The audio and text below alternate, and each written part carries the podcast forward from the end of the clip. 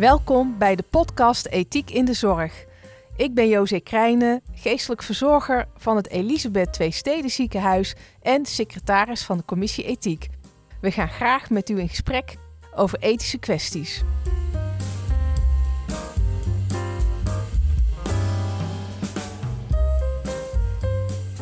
Nou, welkom Caroline. We hebben vandaag Caroline Vos in de studio. En Caroline, kun jij je misschien voorstellen aan, het, uh, aan onze luisteraars? Ja, mijn naam is Caroline Vos. Ik ben uh, sinds eind 2004 gynaecoloog in het Elisabeth II Steden ziekenhuis. Uh, met als aandachtsgebied de oncologie. heb in die tijd lang geparticipeerd in de ethiekcommissie. En sinds een aantal jaar ben ik ook student filosofie aan Tilburg University. Ja, en wij hebben elkaar, wij kennen elkaar natuurlijk al wel wat langer, vooral vanwege ook de ethiek, uh, zeg maar, uh, belangstelling allebei. Hè? Maar je was bij de filosofietafel die we in de Week van de Reflectie hebben georganiseerd en dat ging over noodzakelijke zorg. En jij kwam toen met een hele mooie casus aan van waarin jij passende zorg had verleend, maar je zei maar het was geen noodzakelijke zorg. Toen kregen we die hele mooie, dat hele mooie gesprek over uh, wat is noodzakelijke zorg en, uh, en op wat voor manier matcht het of uh, is het juist iets anders dan passende zorg? Kun jij die casus aan ons vertellen? Ja, ik kan natuurlijk niet alle details vertellen, maar ik kan wel wat algemene dingen zeggen. En het ging over iemand die behandeld was voor een kwaadaardigheid, gynaecologisch. En waar we normaal gesproken doen we in de controles. Mensen komen op controle en dan doen we alleen maar een gesprek en een gynaecologisch onderzoek. En deze mevrouw zei: Ik wil per se een scan, want ik heb klachten. Waarvan ik dan als arts vond dat die niet zo typisch waren van dat die ziekte teruggekomen zou zijn. Uh, en je moet een scan maken. En die mevrouw was dus echt letterlijk doodsbenauwd dat er echt iets aan de hand zou zijn. Toen ben ik met haar daar het gesprek over aangegaan. Zeg maar medisch-technisch gezien had die scan dus niet zoveel meerwaarde. Maar het was voor haar wel heel erg belangrijk.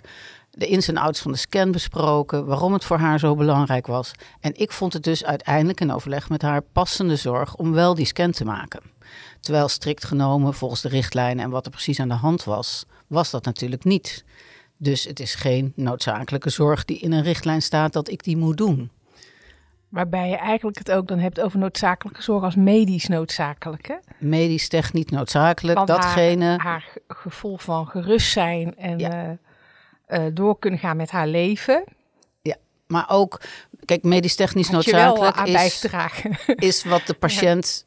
Ja. Uh, wat de patiënt van mij mag verwachten volgens de richtlijnen van de zorg. Het soort minimum wat ik moet doen en waar ik van afwijk in de zin dat ik het niet doe, hè, kan ook in overleg met de patiënt, omdat het voor deze patiënt niet passend is.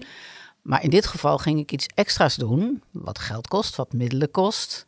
Waar iemand anders misschien ook op zit te wachten. Waar iemand anders ook op zit te wachten. Maar wat voor deze patiënt, gegeven haar bijzondere omstandigheden, wel heel erg passend was. Ja. En ze was er ook heel blij mee dat we het uiteindelijk wel gedaan hebben. Mooi voorbeeld. Van hoe ingewikkeld het eigenlijk is, hè, die passende zorg. Ja. ja.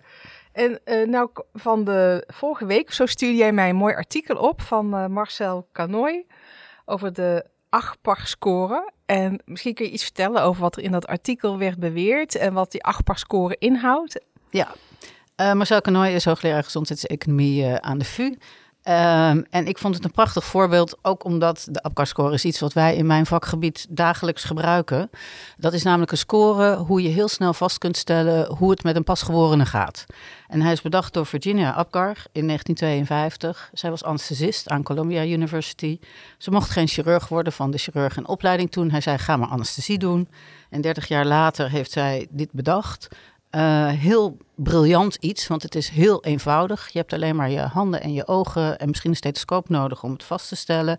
En het is een hele goede voorspeller uh, om te kijken hoe het met een pasgeborene gaat en wat je ermee moet doen. Uh, zij is ook uh, uiteindelijk de eerste vrouwelijke full professor aan Columbia University geworden. En dit gebruikt de hele wereld wereldwijd. Echt een heel bijzondere ontwikkeling en juist zo briljant in zijn eenvoud. Dus wat doe je normaal gesproken? De baby wordt geboren. Je geeft die baby even een minuut de tijd om zich aan het leven buiten de baarmoeder aan te passen. En dan scoor je een aantal, vijf simpele kenmerken: hartslag, ademhaling, reactie, kleur. Um, en dan kijk je hoe het met die en hoe die huilt. Uh, en dan kijk je hoe het met de baby gaat. En als de goede score is, dan doe je dat na, als de baby vijf minuten oud is, nog een keer. En als het twee keer een goede score is, dan heb je een fantastische voorspeller dat het goed gaat met deze baby. En als het niet goed gaat, gaan wij daar natuurlijk wat aan doen. Zo simpel is dat.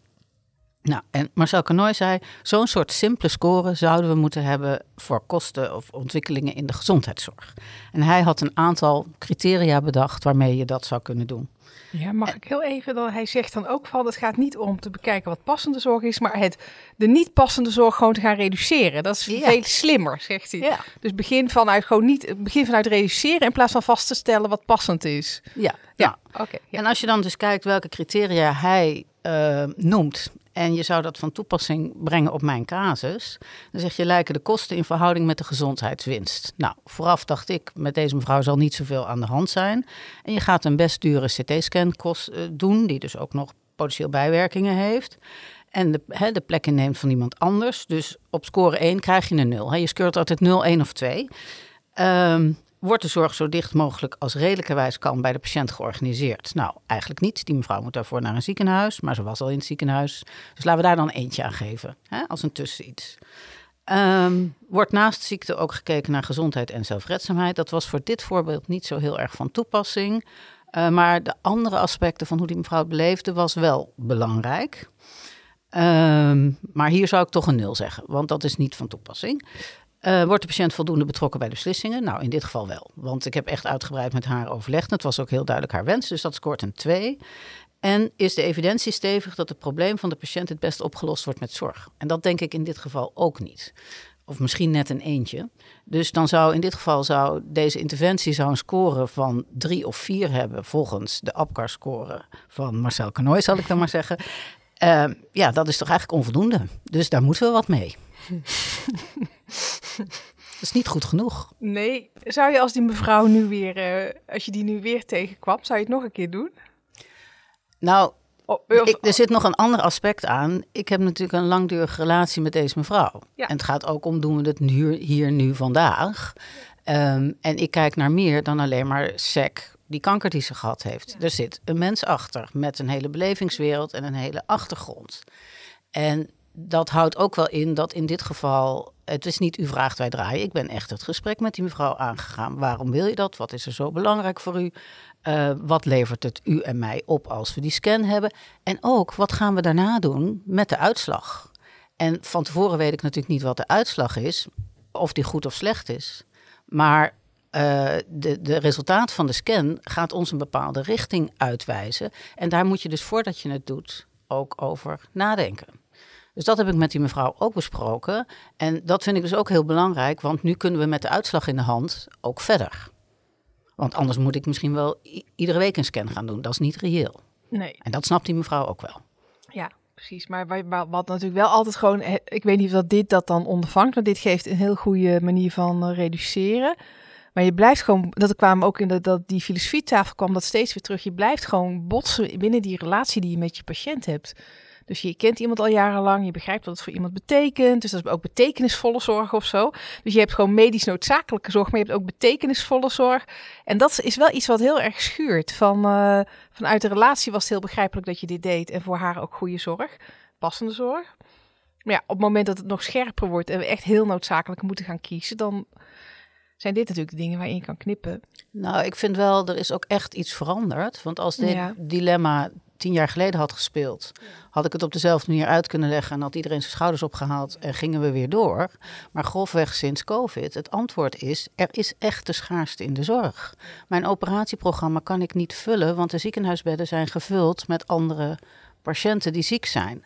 Er moeten dus patiënten thuis wachten die mogelijk een kwaadaardigheid hebben op mijn vakgebied, omdat ik niet kan opereren. Dan ga ik wel iets nuttigs doen waar geen ziekenhuisbedden voor nodig zijn. Dus het is niet dat mijn tijd verloren gaat, maar we kunnen de capaciteit die het ziekenhuis heeft niet benutten, want we, we hebben de mensen vooral niet, middelen, maar vooral ook mensen niet, om het te doen. En als je dus onnodig beslag legt op de capaciteit van het ziekenhuis, daar ben ik ook verantwoordelijk voor om dat te bespreken. En niet in een harde niet van mevrouw, we doen het niet, want het mag niet van de capaciteit van het ziekenhuis. Maar wel om over na te denken, is het nou echt nuttig, passend, noodzakelijk wat we aan het doen zijn? En hoe solidair zijn we op het moment dat we in die zin iedereen tegen moeten komen en wat het beste is op dat moment. Hè? Ja. Dus het gaat toch over waar de pijn zit, maar vanuit het grotere geheel gedacht. Ja. Um, um, Vervolgens uh, had je nog een uh, goed idee voor de reductie. Want er was op dit moment ontwikkeling op de gynaecologie met de ACP-poli. Ja, daar gaan wij bij aansluiten. Dat is niet een ontwikkeling die wij zelf bedacht hebben. ACP staat voor Advanced Care Planning. Mhm. Dus als je een patiënt zou hebben waarvan je zou denken, en dat is niet het voorbeeld wat we net bespraken, zou ik verbaasd zijn als zorgverlener, arts of verpleegkundige als deze patiënt in het komend jaar te overlijden kwam. Als het antwoord op die vraag nee is, dan heb je dus een goede reden om het gesprek met die patiënt aan te gaan. En dan te zeggen, goh mevrouw, ik zie deze ontwikkeling. Ik stel mezelf de, surprise question, de verrassingsvraag.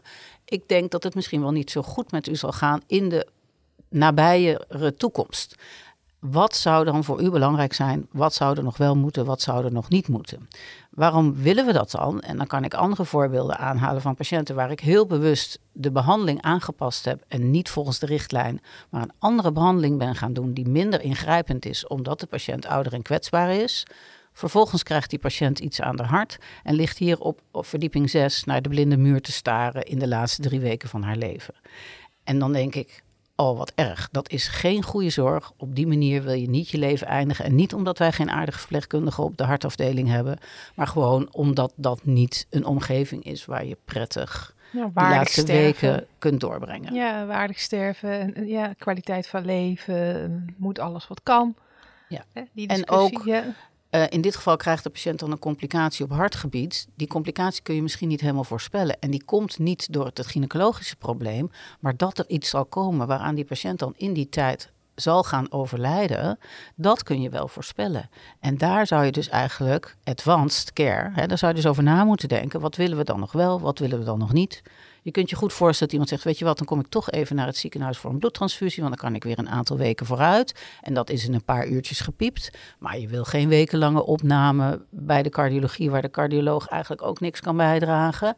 Maar die cardioloog kan niet ruiken dat ik dat al met die patiënt besproken heb.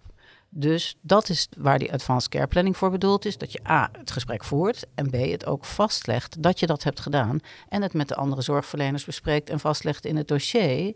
Zodat als die mevrouw dan met de hartproblemen komt, dat je kunt zien, hé, hey, er was al nagedacht over wat we eigenlijk zouden moeten doen. Nou, en eigenlijk is dit ook iets van het eh, reduceren van niet passende zorg. Hè? Ja, Maar wel vanuit de relatie nog steeds. tuurlijk. Van je, je laat de mens niet vallen. Dus je, Nee. je, je hebt het wel over God. Denk, weet u eigenlijk wel wat het allemaal betekent? Al die behandelingen die u nog te wachten kunnen staan. Hè, wilt u daar goed over nadenken? Ja, ja. Dat, Ja, en je neemt iemand dan mee daarin. Hè? Dat, ja.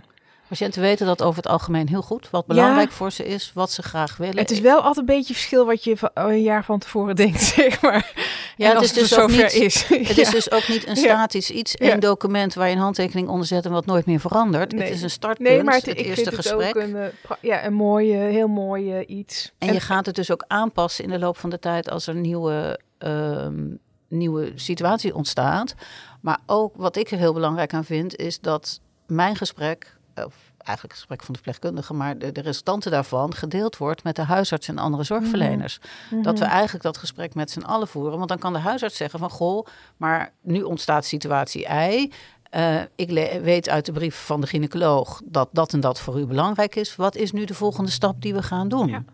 Ja, ik merk dat ik nog allerlei kritische voorbeelden ken inmiddels al. Maar ik, blijf, ik vind het wel een heel mooi eh, ook iets. En ook heel eh, ja, zorgvuldig, denk ik. En liefdevol, hè? eh, menslievend zo.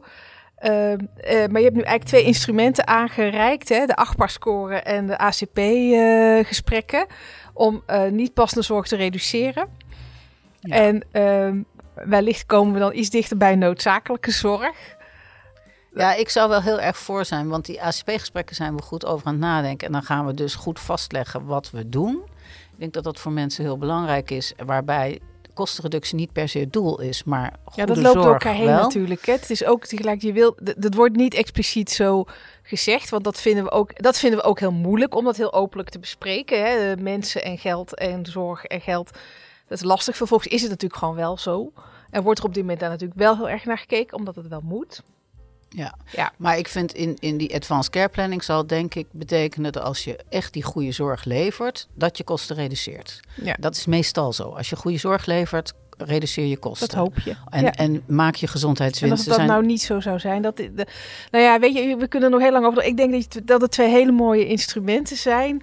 Eh, die achtbaar scoren, dat zouden we eigenlijk gewoon in het hele ziekenhuis moeten gaan introduceren. Misschien, misschien kunnen we daar eens, als, eh, daar eens nog naar kijken. Hè, of we daar iets van kunnen maken dat iedereen dat kan pakken, dat lijstje van hoe zit dit nou eigenlijk? Moet ik dit nu wel of niet doen? Ehm, ja, heel erg bedankt voor eh, het kijkje zo in jouw praktijk. En ook dat je zo meedenkt hierover in het ziekenhuis. En uh, dank je wel. Graag gedaan. Ja. En dan wil ik ook graag de filosofietafels nog verder aankondigen. We hebben 29 februari van half 1 tot 2 hebben we ook weer een filosofietafel. Dit keer over wat is rechtvaardig? Hoe moet je rechtvaardigheid interpreteren in het kader van schaarste? En vervolgens zullen er het hele jaar nog filosofietafels zijn. We krijgen ook een keertje het Centrum voor Ethiek en Gezondheid op bezoek. Die komen vertellen over code rood. Uh, je kunt dit vinden op het Leerplein bij de, het kop, bij de cursus filosofietafels. En daar kun je ook voor alles inschrijven. Van harte welkom.